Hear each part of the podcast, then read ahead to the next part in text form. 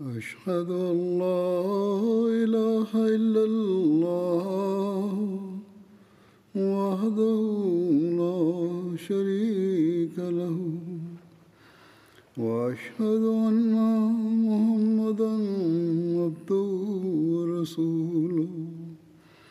أما بعد فأعوذ بالله من الشيطان الرجيم.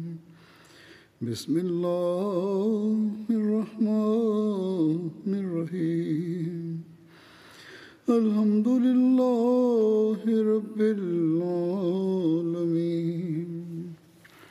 الرحمن الرحيم. مالك يوم الدين.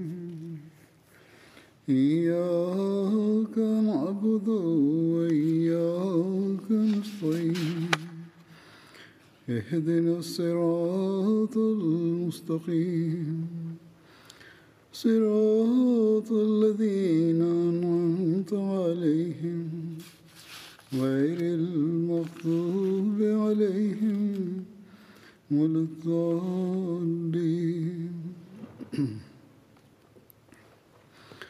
Masih mengenai Hazrat Umar radhiyallahu anhu. Hari ini saya akan menyampaikan lebih lanjut. Diriwayatkan dari Zaid bin Aslam bahwa ayah beliau menyampaikan, satu saat saya pergi ke Harrah Waqim bersama Hadrat Umar bin Khattab. Ini adalah tempat di antara dua Harrah. Harrah berarti tanah hitam berbatu. Harrah Waqim berada di timur Madinah dan disebut juga Harrah Banu Quraizah. Yang kedua adalah Harratul Wabra yang berada tiga mil dari barat Madinah. Hadrat Zaid berkata, saya pergi ke sana. Ketika kami tiba di tempat bernama Sarar, ada api unggun yang benderang di satu tempat. Sarar pun berada tiga mil dari Madinah. Lalu Hadrat Umar bersabda, Wahai Aslam, saya berpikir bahwa ada musafir di sini yang sedang berhenti karena malam dan dingin. Ayo ikuti saya. Maka kami pun bergegas ke dekatnya dan melihat seorang wanita bersama beberapa anaknya, dan ia sedang memanaskan periuk. Anaknya tengah menangis karena lapar.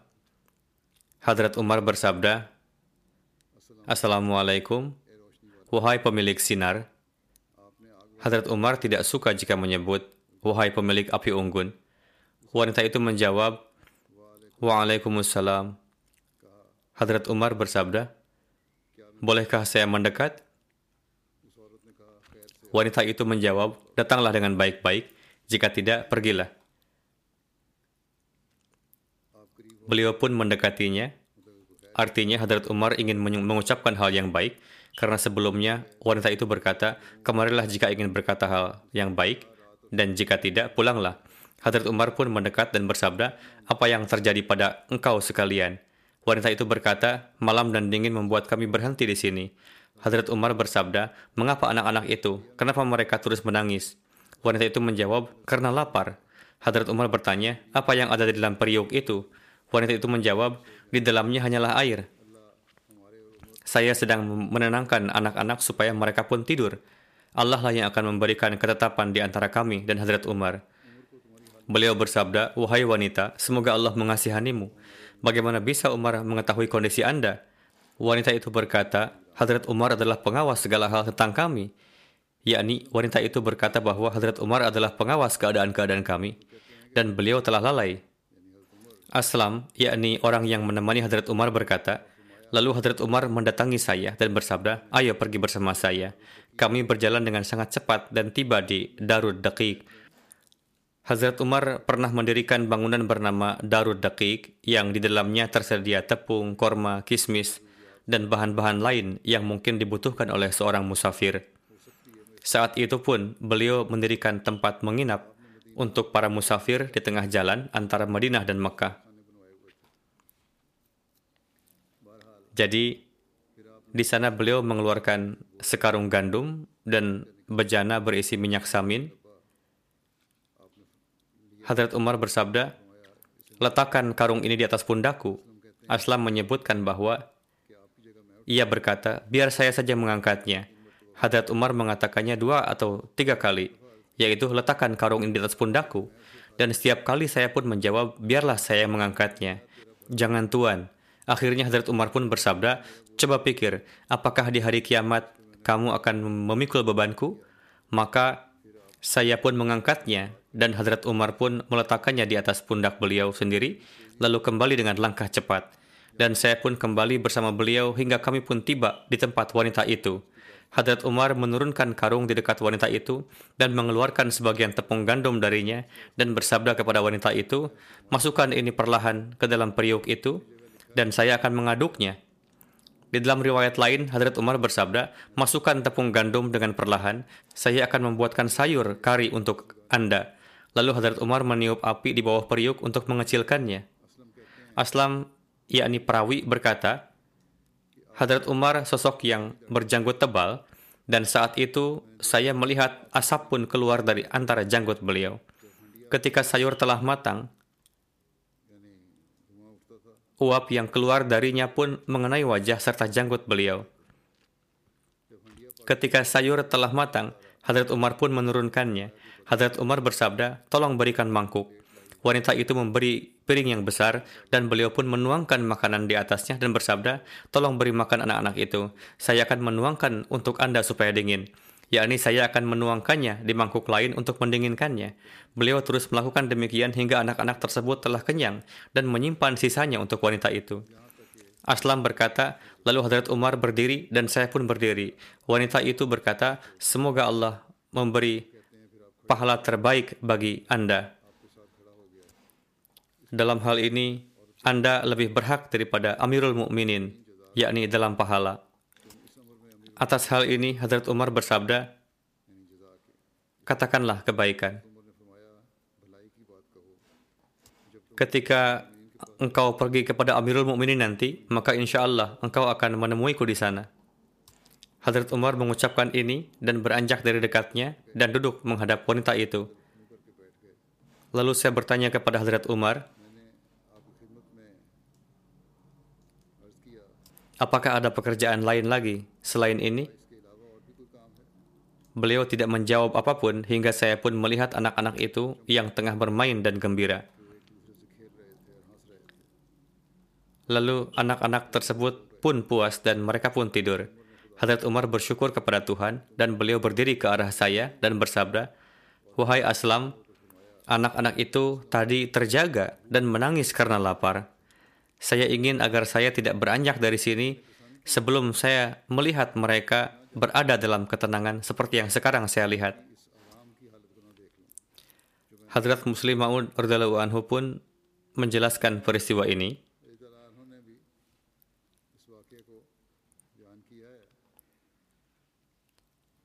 Beliau menulis, memenuhi kebutuhan masyarakat yang tidak sanggup memenuhi kebutuhannya adalah kewajiban dari pemerintahan Islam.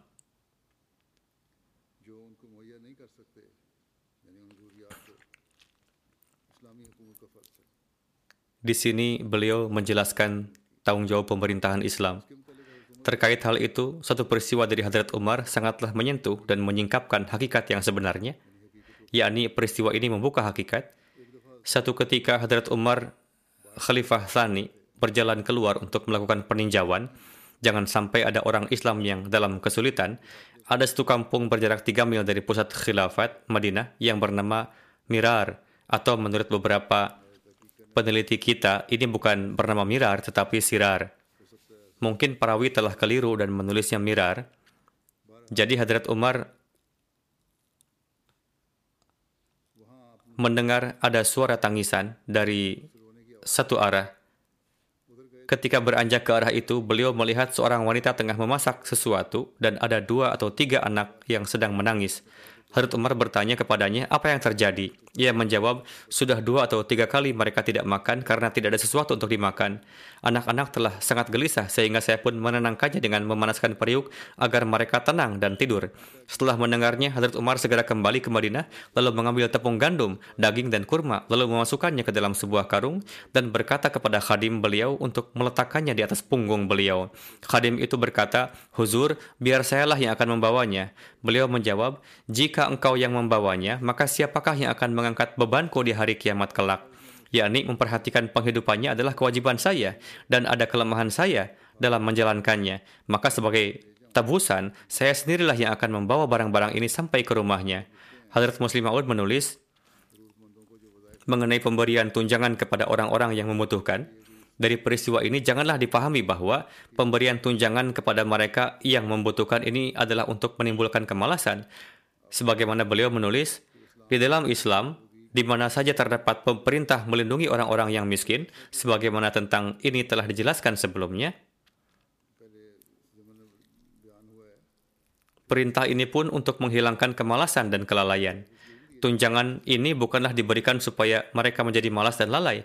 Tujuan tunjangan ini bukanlah supaya mereka berhenti bekerja dan diam saja, melainkan tunjangan ini hanyalah diberikan bagi mereka yang dalam keterpaksaan.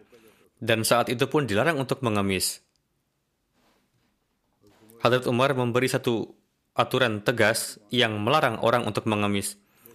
Di sini bukanlah berarti jika melihat yang lapar maka cukup dengan memberinya makan, jika ada yang mengemis lalu berilah ia. Namun di sini jika pengemis itu adalah orang yang sehat, maka beliau menindak dengan tegas. Suatu saat Hadrat Umar melihat seorang pengemis yang karung miliknya telah penuh dengan gandum. Ia meminta gandum sementara karungnya telah terisi gandum. Lalu Hadrat Umar mengambil gandum darinya dan meletakkannya di depan kawanan unta. Beliau mengosongkan karungnya dan bersabda, mintalah sekarang. Dari peristiwa ini terbukti bahwa mereka yang mengemis menjadi dipaksa untuk bekerja, yakni kamu seorang yang sehat, dan apa yang bisa Anda dapatkan dari mengemis? Bekerja keraslah, carilah penghidupan, dan makanlah darinya. Beliau memberi pelajaran bahwa jika mengemis lagi, tindakan inilah yang akan diberikan, yaitu barang Anda akan diambil dan diletakkan di hadapan hewan. Banyak pengemis yang menukil contoh ini dan memaksa bahwa lihatlah Hadrat Umar betapa beliau sangat memperhatikan mereka. Mereka tidak melihat betapa Islam telah sangat melarang sikap mengemis dan sikap Hadrat Umar ini pun merupakan amalan Rasulullah yang diteruskan oleh Hadrat Umar namun yang keberatan ini tidak menghiraukannya. Lalu Hadrat Muslim Maud di tempat lain menjelaskan terkait peristiwa ini. Perhatikanlah Hadrat Umar, di satu sisi, raja-raja besar dunia pun gentar akan wibawa dan karisma beliau. Pemerintah kaisar dan kisra pun telah gentar dan takut. Namun di sisi lain, di kegelapan malam, Hadrat Umar, sesosok insan yang bermartabat tuhur itu, terenyuh melihat lapar yang diderita seorang wanita tua dan anak-anaknya.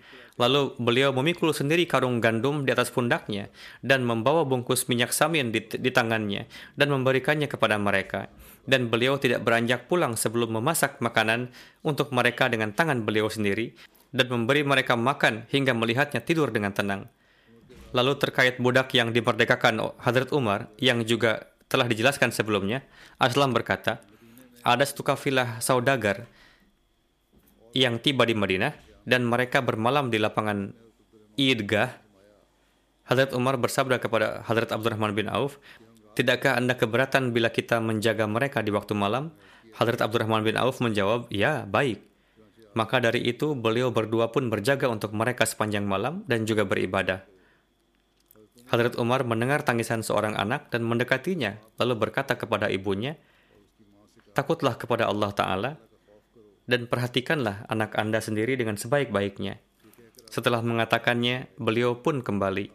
Lalu beliau mendengar lagi tangisannya dan mendatangi ibunya, lalu mengatakan hal yang sama kepadanya dan kembali ke tempat beliau. Ketika akhir waktu malam tiba dan beliau kembali mendengar tangisan seorang anak, beliau mendatangi ibunya dan bersabda, "Semoga kebaikan tercurah bagimu. Mengapa Anda menjadi ibu yang demikian lalai?" Apa yang bisa saya lakukan? Sepanjang malam anak Anda gelisah karena menangis. Wanita itu menjawab, Wahai hamba Allah, saya tengah berusaha membiasakan dia dengan makanan lain selain susu. Namun, anak ini menolaknya. Ia terus meminta susu. Hadrat Umar bertanya, "Mengapa?" Wanita itu menjawab, "Karena Hadrat Umar hanya menetapkan tunjangan bagi anak yang telah disapih."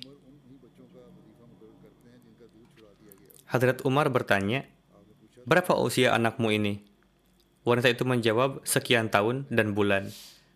Hadrat Umar bersabda, "Saya mohon, janganlah terlalu cepat untuk menyapihnya." Lalu ketika beliau memimpin salat subuh, beliau menangis sehingga orang-orang tidak dapat mendengar jelas bacaan beliau. Hadrat Umar berkata kepada diri beliau sendiri, Betapa buruknya Umar. Betapa banyak anak-anak muslim yang telah ia sakiti. Lalu beliau memerintahkan seorang penyeru untuk mengumumkan, Janganlah bersegera untuk menyapih anak-anak kalian. Di dalam Islam, kami akan menetapkan bantuan bagi setiap anak yang lahir. Kemudian Hadrat Umar pun mengirimkan perintah ini ke semua negeri. Hadrat Muslim Maud menjelaskan peristiwa ini dengan corak khas beliau. Beliau bersabda, di permulaan, Hadrat Umar tidak menetapkan bantuan untuk bayi yang menyusu, namun kemudian beliau setuju untuk menerima hak bagi bayi yang menyusu dan memerintahkan agar memberikan hak mereka kepada ibunya. Pertama-tama Hadrat Umar beranggapan bahwa selama anak masih menyusu, ia belum menjadi bagian dari kaum dan tanggung jawabnya hanya terletak pada ibunya dan bukan pada masyarakat, sehingga ia dapat diberi bantuan dari Baitul Mal. Namun satu saat Hadrat Umar keluar untuk melakukan peninjauan. Di batas kota ada satu kafilah Badui yang bermukim. Hadrat Umar mendengar suara tangisan anak dari satu kemah. Anak itu menangis keras dan ibunya berusaha menenangkannya dengan menepuk-nepuk anaknya. Setelah sekian lama ditenangkan namun anak tersebut tidak kunjung diam, ibu itu pun memukulnya dan berkata, menangislah dan salahkan Umar. Hadrat Umar terheran dan berpikir, apa hubungannya ini dengan diri saya? Hadrat Umar memohon izin masuk ke kemah wanita itu lalu bertanya kepadanya, Wahai ibu, apa masalahnya? Karena wanita itu tidak mengenal Hadrat Umar, maka ia menjawab, Mengapa? Umar telah menetapkan tunjangan untuk semuanya, namun ia tidak tahu bahwa bayi yang menyusu pun membutuhkan makanan.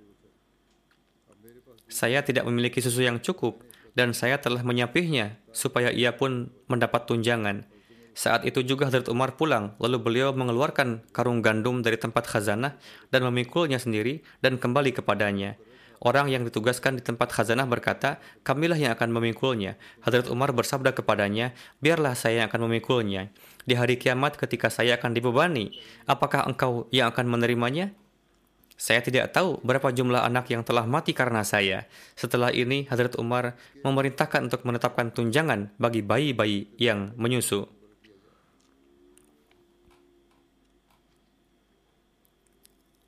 Hadrat Masih Maud Islam bersabda,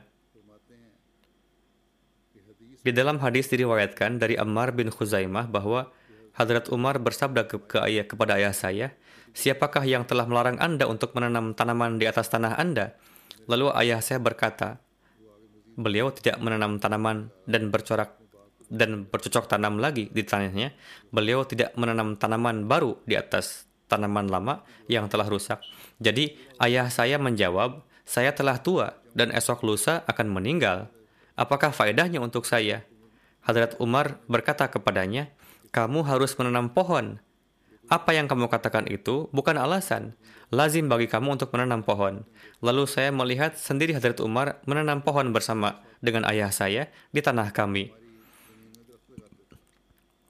Hadrat Masih, Masih Maud salam juga pernah menceritakan kisah tersebut dalam kaitannya dengan terhindar dari kemalasan yakni sebagaimana kita menikmati buah dari pohon yang ditanam oleh leluhur kita, untuk itu kita pun harus menanam pohon agar dapat dinikmati oleh generasi berikutnya. Hadrat Muslim Ma'ud bersabda, Hadrat Umar radhiyallahu biasa berkeliling pada malam hari untuk mengecek keadaan. Suatu hari ketika beliau berkeliling di kota, mendengar seorang wanita yang sedang melantunkan syair yang bernada penuh kerinduan. Mendengar itu, beliau mencari tahu di siang hari. Ternyata suaminya berada di luar kota, sudah sekian lama tengah bertugas sebagai prajurit. Lalu Hadrat Umar membuat peraturan bahwa seorang prajurit tidak boleh bertugas di luar kota lebih dari empat bulan. Jika ada prajurit yang ingin tinggal di luar kota untuk jangka waktu yang lama, maka ia harus membawa serta istrinya. Jika tidak, setelah berlalu empat bulan, komandannya akan memaksanya untuk pulang. Selengkapnya dijelaskan juga pada satu tempat bahwa Hadrat Umar bersabda kepada wanita yang melantunkan syair itu, Apakah kamu beriradah untuk melakukan keburukan? Wanita itu menjawab, Semoga Allah melindungiku. Hadrat Umar bersabda, Kendalikanlah diri. Saya akan segera mengirimkan surat kepada suamimu. Lalu Hadrat Umar mengirim utusan kepada suami si wanita itu agar segera pulang. Beliau pun menyelidiki lebih lanjut dan seperti yang telah dikatakan, beliau menetapkan bahwa tidak boleh lebih dari empat bulan. Jika tidak, harus membawa serta istri dan anak-anaknya.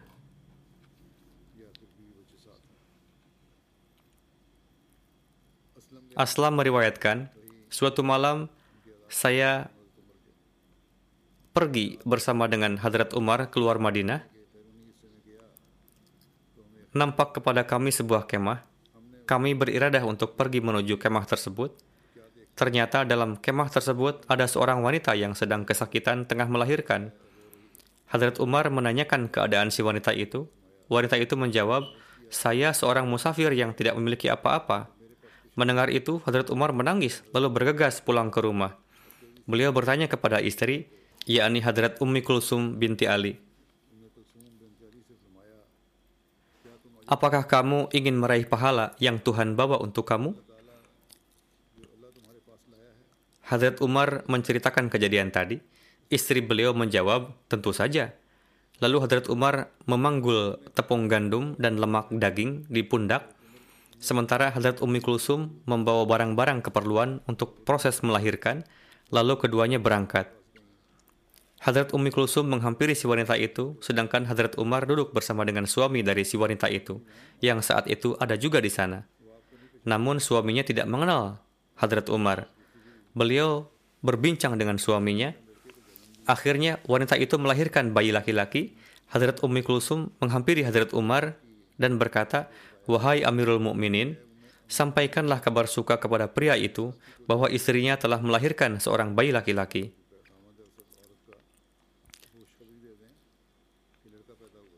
Ketika pria itu mendengar ucapan Hadrat Ummi Kulsum,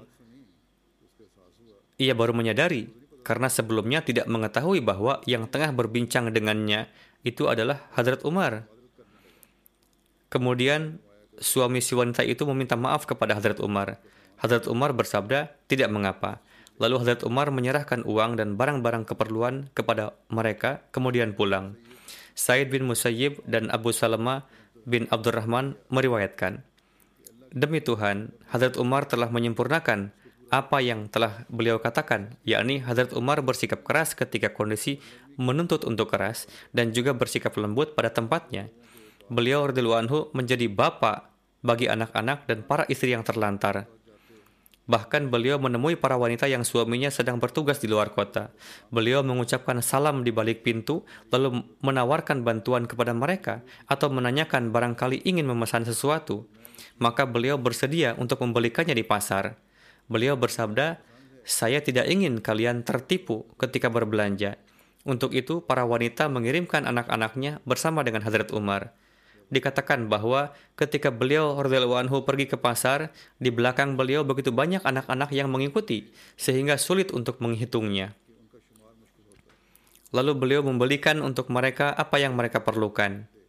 Adapun bagi para wanita yang tidak memiliki anak, maka beliau radhiyallahu anhu membelikannya sendiri untuk mereka. Ketika ada utusan dari antara prajurit tentara yang datang, maka Hadrat Umar menyampaikan sendiri surat-surat yang dikirimkan oleh para prajurit untuk para istrinya dan menasihati para wanita itu bahwa suami kalian telah berjuang di jalan Allah dan kalian berada di kotanya Rasulullah. Jika ada orang yang bisa membacakan surat ini kepada kalian, itu baik. Namun jika tidak ada, kalian bisa berdiri di dekat pintu supaya saya bisa membacakan surat-surat itu untuk kalian. Beliau selanjutnya bersabda, utusan kita akan pergi pada hari-hari tertentu. Untuk itu silahkan kalian menulis surat untuk saya titipkan kepada mereka untuk disampaikan kepada para suami kalian. Lalu Hadrat Umar membawakan alat alat tulis dan tinta. Kemudian bagi yang sudah selesai menulisnya, beliau mengambil suratnya. Namun bagi wanita yang tidak bisa menulis, beliau meminta para wanita itu untuk menuju ke pintu dan menyampaikan isi surat yang ingin disampaikan. Lalu Hadrat Umar menuliskannya atas nama mereka untuk para suami mereka. Kemudian beliau menitipkannya. Hadrat Ali meriwayatkan, saya melihat Hadrat Umar tengah pergi dengan tergesa-gesa ke Abta sambil mengangkat pelana unta di punggung beliau sendiri. Abda adalah nama sebuah tempat yang terletak di dekat Mekah dan Mina. Hadrat Ali berkata, Wahai Amirul Mukminin, hendak pergi ke mana Tuan? Hadrat Umar bersabda, Unta sedekah seseorang telah kabur. Saya akan mencarinya. Saya berkata kepada Hadrat Umar, Anda telah menetapkan jalan yang tidak mudah untuk ditempuh oleh para khalifah penerus Anda nanti. Hadrat Umar bersabda, Wahai Abul Hasan, janganlah menyalahkan saya. Demi zat yang telah mengutus Muhammad dengan nubuat, jika seandainya seekor kambing saja yang hilang di tepi sungai Firat, maka Umar akan mendapatkan hukuman pada hari kiamat karena hal itu. Hadrat Muslim Ma'ud menjelaskan, pada zaman Hadrat Umar, ada seorang muslim yang tengah berjalan dengan menundukkan leher, Mungkin orang tersebut tengah mengalami kesedihan, untuk itu merasa sedih. Melihat itu Hadrat Umar menyentuh dagunya dan bersabda, mungkin orang itu tengah mengalami kesedihan atau kesulitan sehingga lehernya tertunduk. Melihat itu Hadrat Umar menyentuh dagunya dan bersabda, sekarang merupakan masa kemenangan Islam, namun kamu malah menundukkan leher kamu mengalami sedikit kesulitan saja yang membuat kamu menundukkan kepala. Tidaklah pantas bersikap seperti itu. Allah Ta'ala telah memberikan kekuasaan kepada Islam pada saat ini. Dunia bisa mengatakan apa yang ingin dikatakan, namun yakinlah bahwa Islam akan mengalami keunggulan. Jika kamu yakin bahwa Islam akan menang, lantas kenapa bersedih? Tidaklah perlu menyedihkan hal-hal yang sepele. Tidaklah perlu bersedih jika ada yang mengatakan ini itu kepada Muslim. Hal ini disampaikan oleh Hadrat Muslim Maud pada saat hijrah dari Kadian.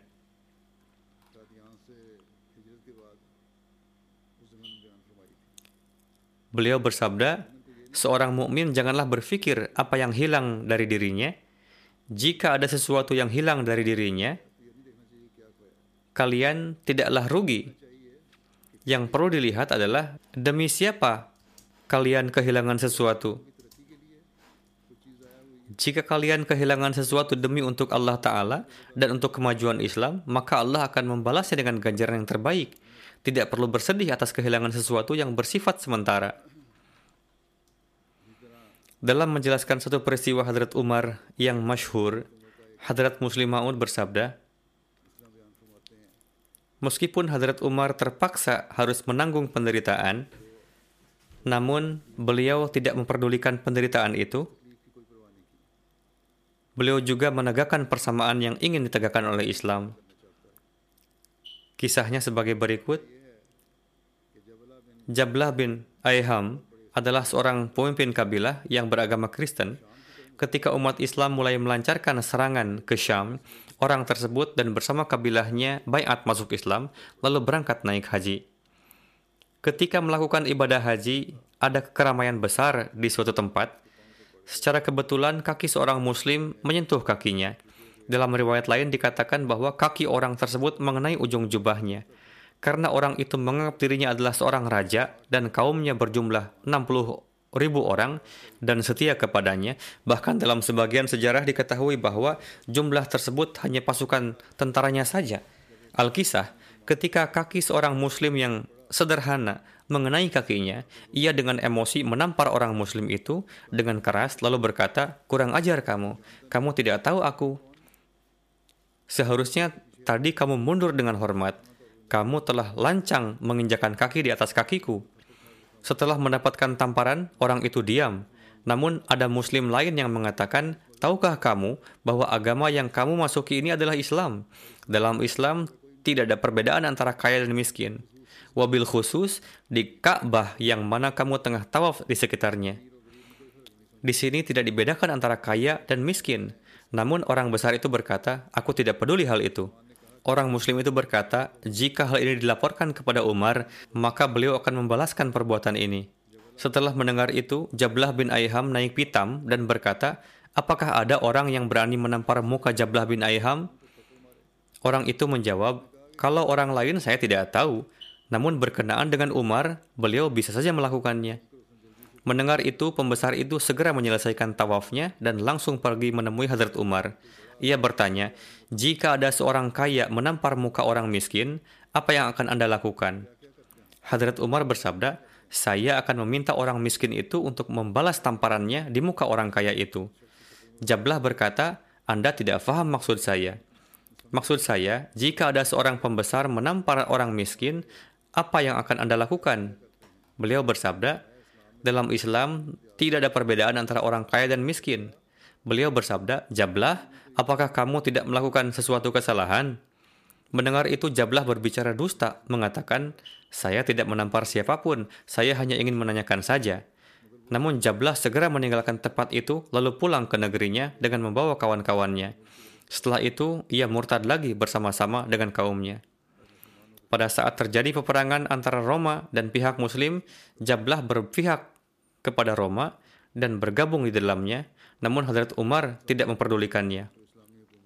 Inilah persamaan yang ditegakkan oleh pemerintahan Islam yang mana merupakan pelajaran bagi negara negara Islam pada masa ini.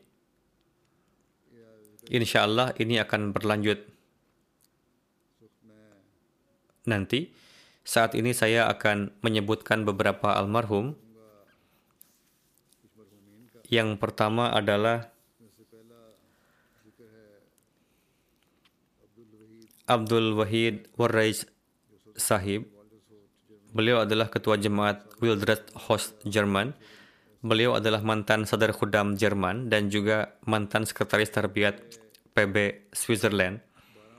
Beliau wafat pada usia 41 tahun pada tanggal 12 Mei disebabkan oleh memburuknya kondisi dalam perjalanan turun gunung setelah berhasil menaiki dan menancapkan bendera Ahmadiyah di puncak Gunung Everest.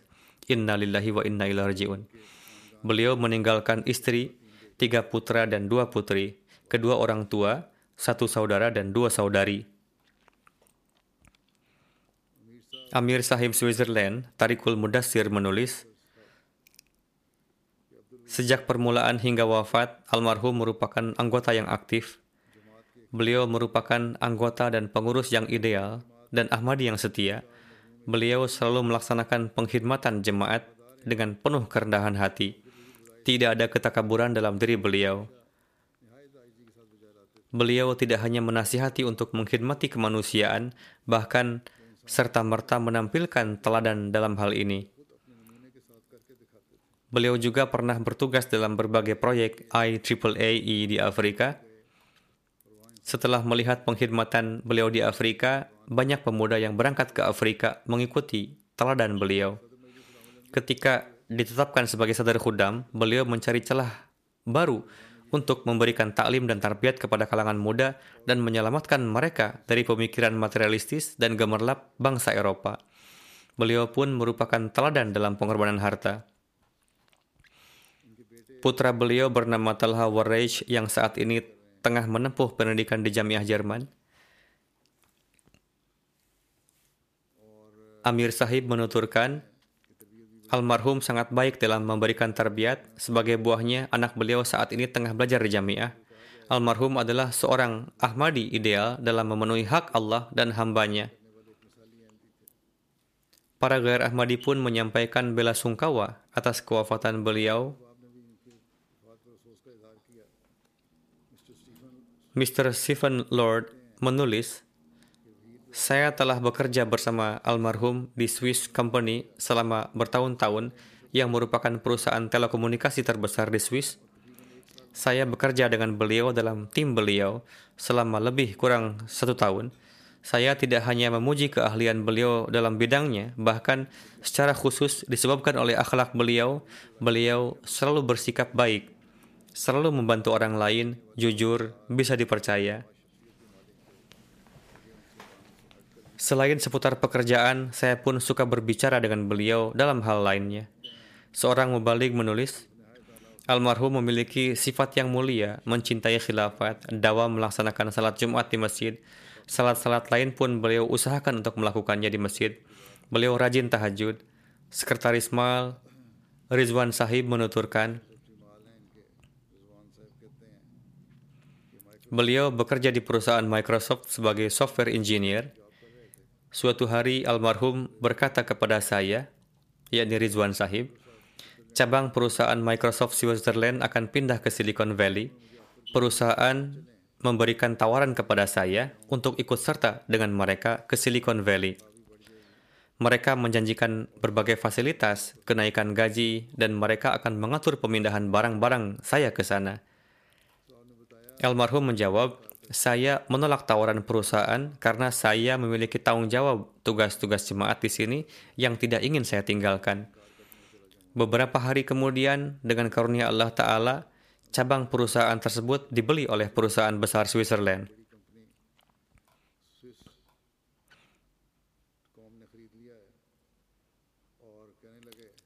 Almarhum mengatakan, perusahaan ingin mengajak saya pindah, namun Allah Ta'ala telah mengaturkan di sini. Dan tidak hanya itu, sedemikian besar karunia Allah Ta'ala, sehingga gaji yang saya dapatkan lebih besar dari gaji bos saya. Sekretaris Umur Kharijiyah PB Zahid Sahib menuturkan, saya mengenal almarhum sejak 26 tahun lalu. Saya mendapatkan kesempatan untuk berkhidmat di Khudamul Ahmadiyah bersama almarhum. Beliau adalah seorang yang sangat baik, disiplin puasa dan salat, rajin berdoa, pekerja keras, pecinta, dan taat kepada khilafat. Beliau adalah seorang kawan yang penyayang dan ramah. Sejak muda pun beliau sudah memiliki tabiat yang berbeda dari pemuda pada umumnya. Saya tidak pernah melihat beliau marah, tidak juga pernah timbul kesan akan hal itu dari logat bahasa atau wajah. Saya tidak pernah melihat beliau bersuara tinggi atau keras. Ketika kami melakukan kesalahan, beliau menasihati dengan lembut secara terpisah. Beliau selalu bersikap baik dan rendah hati kepada orang tua maupun anak-anak. Senyuman ringan selalu menghiasi wajah beliau. Beliau selalu siap untuk mengorbankan jiwa, harta, waktu, dan kehormatan. Banyak sekali pemuda Switzerland yang tidak hanya beliau bimbing dalam hal taklim dan masa depan, bahkan beliau juga membantu lusinan pemuda untuk mendapatkan pekerjaan. Beliau juga mendirikan Ahmadiyah Hiking Club di bawah Khuddamul Ahmadiyah dan memperkenalkan hiking kepada puluhan khuddam. Beliau pemilik tekad yang kuat, Suatu hari saya bertanya kepada almarhum, apakah ketika melakukan hiking atau menaiki gunung, Anda merasa takut? Beliau menjawab, saya juga merasa takut, dan keluarga saya pun tidak menyukai kegiatan ini, namun saya mencari solusi dengan melakukan mulakat dengan huzur.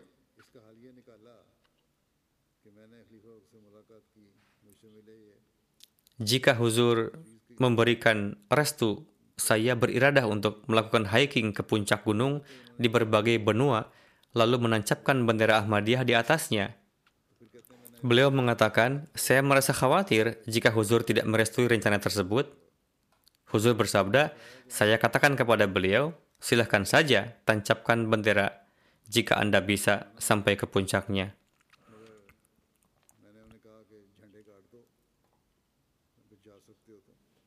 Beliau mengatakan, sekarang insya Allah akan saya lakukan seperti itu. Setelah itu, pemuda tersebut tidak pernah mundur lagi untuk memenuhi harapan tersebut.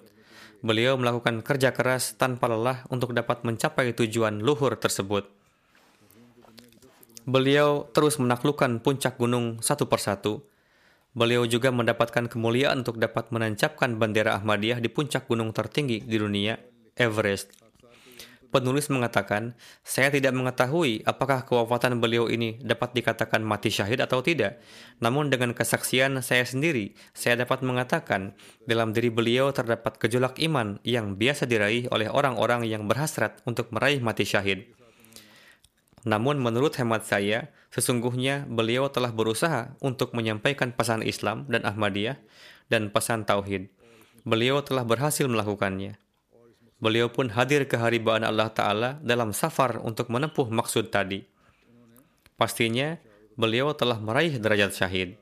Kita berdoa kepada Allah Ta'ala, semoga Allah Ta'ala memberikan derajat syahid kepada beliau dan terhitung dalam golongan syahid.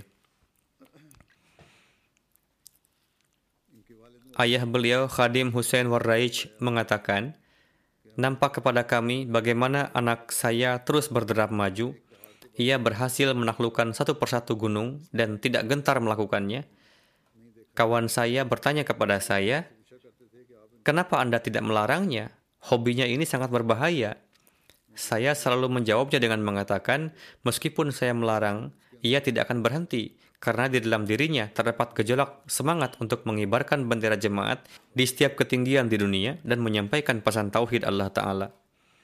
Seorang kawan menulis, saya pernah bertanya kepada Pak Sadar, ketika Anda menaiki gunung, apa yang Anda dengarkan di HP untuk memotivasi diri Anda sendiri? Pak Sadar menjawab, saya telah mendownload buku-buku Hadrat Masih Maud salam dan saya dengarkan itu selama perjalanan. Demikian juga beliau menuturkan, Suatu kali saya bertanya kepada Pak Sadar, bagaimana Anda melaksanakan ibadah Anda di tempat yang begitu tinggi dan dingin seperti itu? Beliau menjawab, Pak Mubalik, saya sangat menikmati beribadah di gunung-gunung. Terlintas pemikiran di hati saya bahwa para nabi Allah pun menjauhkan diri dari hiruk pikuk dunia dengan mengasingkan diri di gunung-gunung dan melakukan ibadah. Beliau menuturkan, Abdul Wahid Warraid suatu kali menceritakan kepada saya satu kisah perjalanan bahwa pada saat mendaki gunung Denali di North Alaska yang merupakan gunung yang paling dingin di dunia, jari telunjuk beliau membeku. Ketika beliau memperlihatkan luka itu kepada dokter, maka dokter mengatakan, ini benar-benar telah membeku. Ini bukan lagi satu bagian dari anggota tubuh. Dokter mengatakan, kami terpaksa harus mengamputasinya. Karena dengan cepatnya ini menjadi lumpuh. Almarhum menjawab, ini adalah jari syahid. Dengannya kami memberikan kesaksian mengenai ke keesaan Allah Ta'ala dalam salat. Saya tidak akan memotong jari ini. Setelah itu Allah Ta'ala memberikan karunia-Nya dan yang terjadi kemudian berkat doa-doa, jari tersebut benar-benar pulih kembali sepenuhnya. Semoga Allah Ta'ala memberikan taufik kepada anak keturunan beliau untuk meneruskan kebaikan-kebaikan beliau, apa yang orang-orang gambarkan mengenai kebaikan-kebaikan beliau, dan juga apa yang saya lihat pada diri beliau, beliau jauh lebih unggul dari itu dalam kebaikan-kebaikan. Beliau adalah seorang yang mengucapkan labaik terhadap setiap perintah dari khilafat. Tidak hanya sekedar kata-kata, tetapi beliau selalu meningkat dalam kesetiaan dan ketulusan dan senantiasa berusaha untuk selalu meningkatkannya. Beliau adalah salah satu dari antara orang-orang yang kepergiannya menciptakan kehampaan. Singkatnya, sebagaimana yang telah saya sampaikan, tujuan beliau adalah untuk menancapkan bendera agama Allah Ta'ala dan keesaannya di tempat-tempat yang tinggi yang mana beliau berhasil dalam tujuannya tersebut. Semoga Allah telah menganugerahkan magfirah dan kasih sayangnya dan meninggikan derajat beliau. Jenazah yang kedua yang terhormat Amatun Nur Sahibah yang merupakan istri dari Dr. Abdul Malik Syamim Sahib dan putri dari Sahib Zadi Amatur Rashid Begum dan Mia Abdurrahman Sahib. Beliau wafat pada 15 Juni di Washington Inna lillahi wa inna ilaihi raji'un. Dengan karunia Allah Ta'ala, beliau adalah seorang musiah. Beliau adalah cicit dari Hadrat Masih Maud salam dan demikian juga dari pihak ibu beliau adalah cicit dari Hadrat Khalifatul Masih Awal. Beliau adalah cucu dari Hadrat Masih Hadrat Muslim Maud dan Hadrat Sayyidah Ammatul Hai serta cucu dari sahabat Hadrat Masih Maud salam, Hadrat Profesor Ali Ahmad dari Bihar. Sebagaimana telah saya katakan, beliau menikah dengan Dr. Abdul Malik Syamim Sahib yang merupakan putra dari Maulwi Abdul Baqi Sahib. Allah telah menganugerahkan dua putri kepada beliau. Dalam khutbah nikah beliau, setelah membaca ayat-ayat yang biasa ditilawatkan dalam khutbah nikah, Hadrat Khalifatul Masih yang ketiga rahimahullah bersabda dalam ayat-ayat yang biasa ditilawatkan pada kesempatan pernikahan tersebut, salah satunya dijelaskan bahwa qawlan sadid, yakni perkataan yang jujur, adalah penting untuk perbaikan amal. Sebagian besar penderitaan dan ketidaktentraman timbul sebagai akibat dari amalan-amalan yang buruk. Dan sejauh menyangkut hubungan satu sama lain, keburukan yang menjadi penyebab ketidaktentraman itu adalah tidak adanya kejujuran.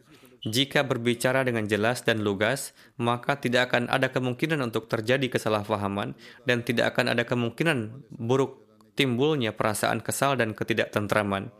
Semoga Allah Ta'ala memberikan taufik kepada kita semua untuk dapat melakukan amal-amal saleh dan menciptakan sarana perbaikan amal kita semua. Dan semoga dalam diri kita sedemikian rupa tercipta kebiasaan berkata jujur sehingga ini menjadi semacam ciri khas bagi kita bersamaan dengan pernikahan almarhumah, ada juga lima, enam pernikahan lainnya. Berkenaan dengan pernikahan almarhumah, beliau rahimahullah bersabda, salah satu pernikahan dari sisi kekerabatan dan dikarenakan hubungan kasih sayang adalah merupakan pernikahan putri saya sendiri. Ia adalah Al Amatun Nur, putri dari Mia Abdurrahim Sahib dan adik kandung saya, Amatur Rashid yang menikah dengan Dr. Abdul Malik Syamim yang merupakan putra dari Maulwi Abdul Baki Sahib. Kemudian beliau rahimahullah bersabda, kita berdoa kepada Allah Ta'ala, semoga Allah Ta'ala dengan rahmatnya menjadikan pasangan ini dan lima pasangan lainnya sebagai pewaris banyak kebahagiaan.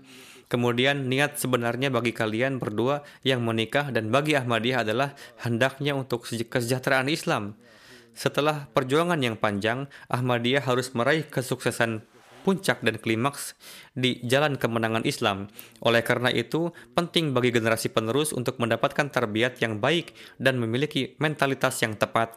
Jika rahmat Allah Ta'ala tidak menyertai, maka segala daya upaya manusia akan sia-sia, tidak berguna dan tidak menghasilkan apa-apa. Alhasil, kita berdoa semoga pasangan-pasangan ini dan juga pasangan-pasangan yang telah ada dalam jemaat maupun yang akan datang sebagai hasil dari perjodohan mereka tersebut dengan karunia Allah Ta'ala tercipta sarana bagi kekuatan dan keteguhan Islam. Sahib Zadi Ahmadun Nur Sahibah juga mendapatkan taufik untuk mengkhidmati jemaat. Beliau sebagai Sekretaris Tarbiyat Nasional Amerika, Naib Sadar Amerika, Sadar Lokal Lajnah Washington, dan anggota dari berbagai komite. Putri sulung beliau, Amatul Mujib, menuturkan, Beliau selalu mendahulukan agama di atas dunia. Beliau sangat menaruh simpati kepada orang-orang. Jika ibunda saya bisa membantu seseorang, maka beliau akan membantunya dengan luar biasa. Beliau sangat menaruh perhatian pada ibadahnya. Putrinya menuturkan, selain salat lima waktu, setiap hari, setiap kali saya terbangun di malam hari, saya melihat beliau sedang melaksanakan salat tahajud. Suami beliau telah cukup lama meninggal dalam sebuah kecelakaan. Setelah kewafatan ayah kami, beliau menjalani 20 tahun sebagai janda. Dalam kondisi demikian, beliau bertawakal sepenuhnya kepada Allah Ta'ala. Sikap bersyukur yang beliau miliki sangatlah menonjol. Beliau biasa mengatakan bahwa betapa banyaknya ihsan dan karunia Allah Ta'ala atas kita. Saya mendengar dari lisan beliau bahwa Allah Ta'ala telah berjanji jika kalian bersyukur, maka aku akan memberikan lebih banyak.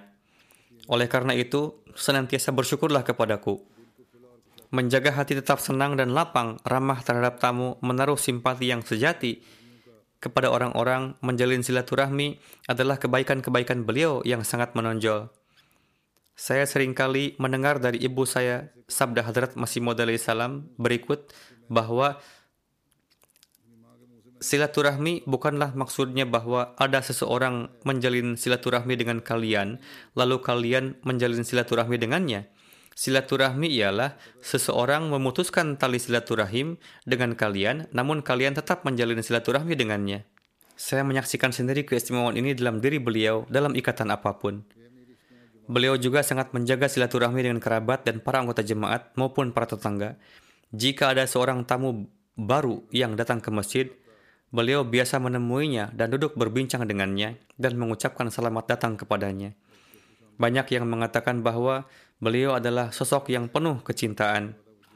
Putri beliau lainnya juga menulis, Almarhumah memiliki hubungan kecintaan yang kuat dengan para anggota jemaat, khususnya para mubayin baru, dan orang-orang juga sangat menyayangi beliau.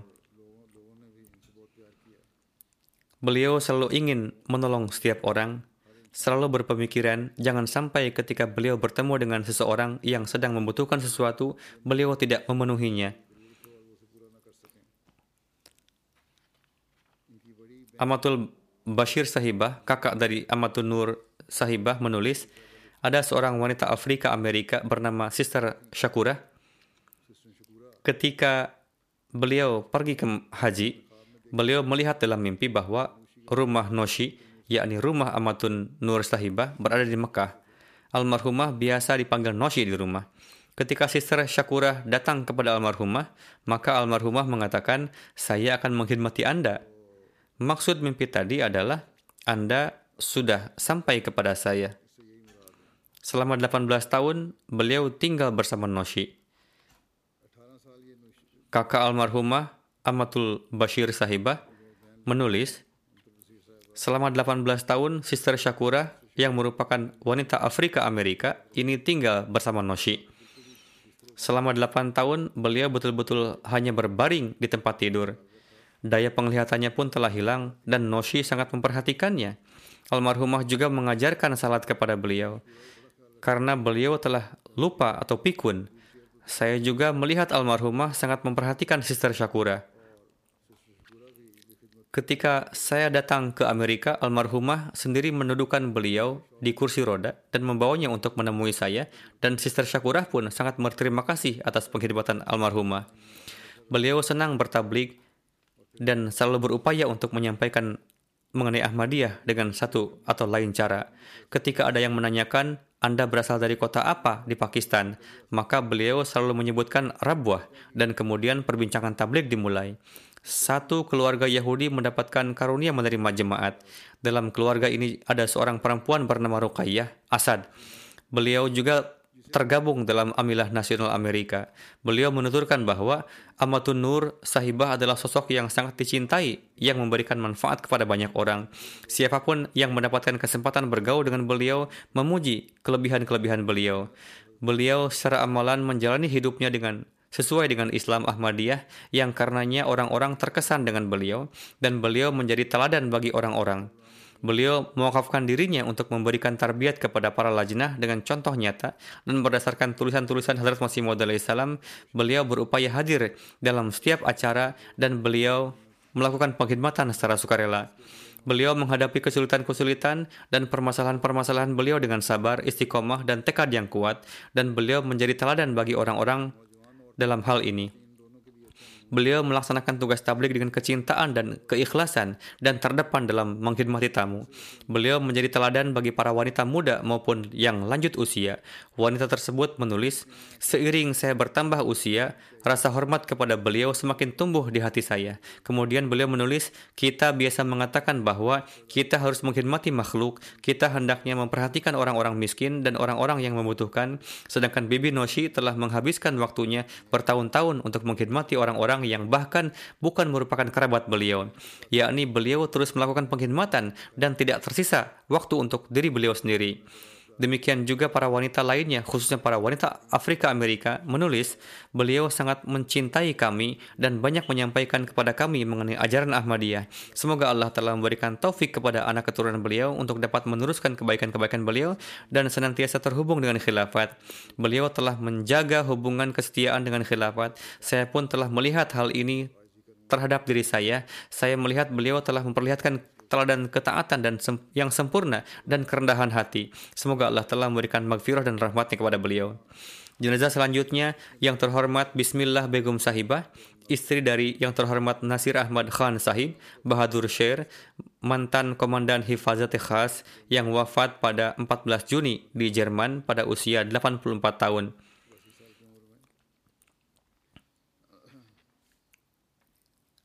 Ahmadiyah masuk dalam keluarga beliau melalui ayahanda beliau, Hadrat Chaudhry Mazharul Haq Khan Sahib Kategari. Beliau juga mendapatkan karunia berkhidmat di boarding school Kadian dan Hadrat Masih Maud salam memberikan kurtahnya kepada beliau sebagai tabarruk. Beliau memiliki lima putri dan dua putra. Seorang putra beliau, Mahmud Ahmad Sahib, adalah mubalik jemaat dan missionary in charge di Fiji serta amir jemaat juga di sana. Mahmud Ahmad Sahib yang merupakan mubalik kita menulis, Setelah kewafatan ayahanda, setiap penghasilan yang didapatkan dari tanah, pertama-tama beliau selalu membayarkan candah darinya. Beliau mengumpulkan uang pensiun ayahanda dan tidak menggunakannya. Dengan uang tersebut, beliau membangun masjid di Tahir Abad Selatan.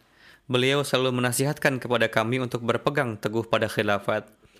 Kemudian beliau menulis, setelah kewafatan ayahanda, beliau memberikan kepada kami kecintaan ibu dan ayah dan tidak pernah membiarkan kami merasakan kehilangan ayahanda kami. Ketika saya di tahun pertama Jamiah Ahmadiyah, beliau sering mengatakan kepada saya, "Kamu adalah tentara agama. Kamu telah mewakafkan diri untuk agama. Di mana pun khalifah menempatkan kamu, harus berdiri teguh di sana."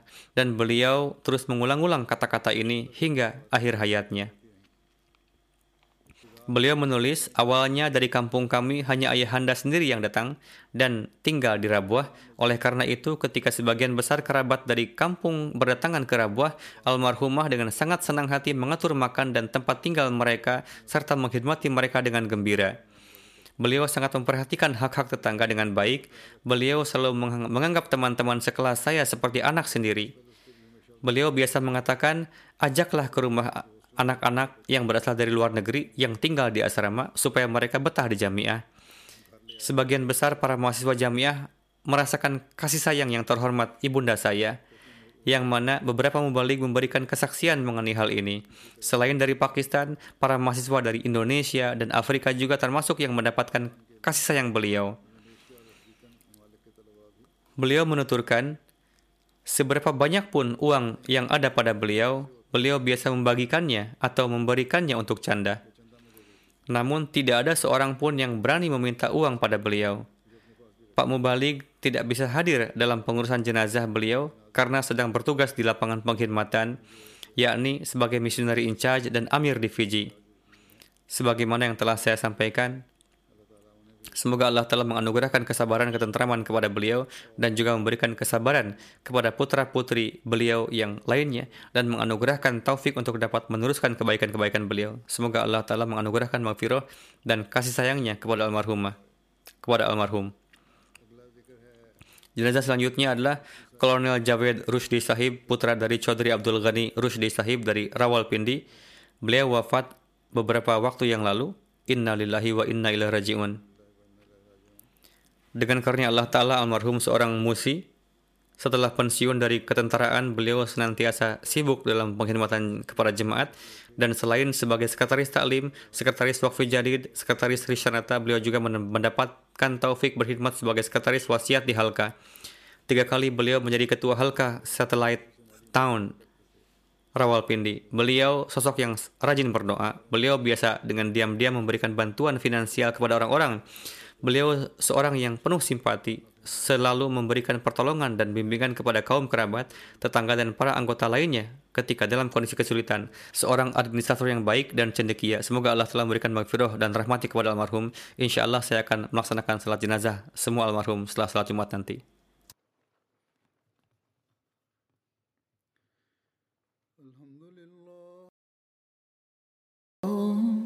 الحمد لله نحمده ونستعينه ونستغفره ونؤمن به ونتوكل عليه ونعوذ بالله من شرور أنفسنا ومن سيئات أعمالنا. من يهده الله فلا مضل له ومن يضلل فلا هادي له. ونشهد أن لا إله إلا الله. ونشهد أن محمدا عبده ورسوله. عباد الله رحمكم الله.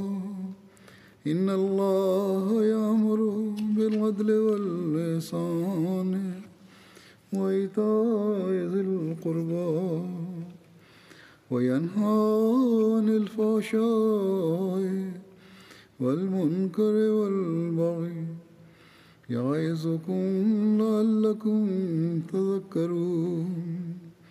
اذكروا الله يذكركم وادعوه يستجب لكم ولذكر الله أكبر.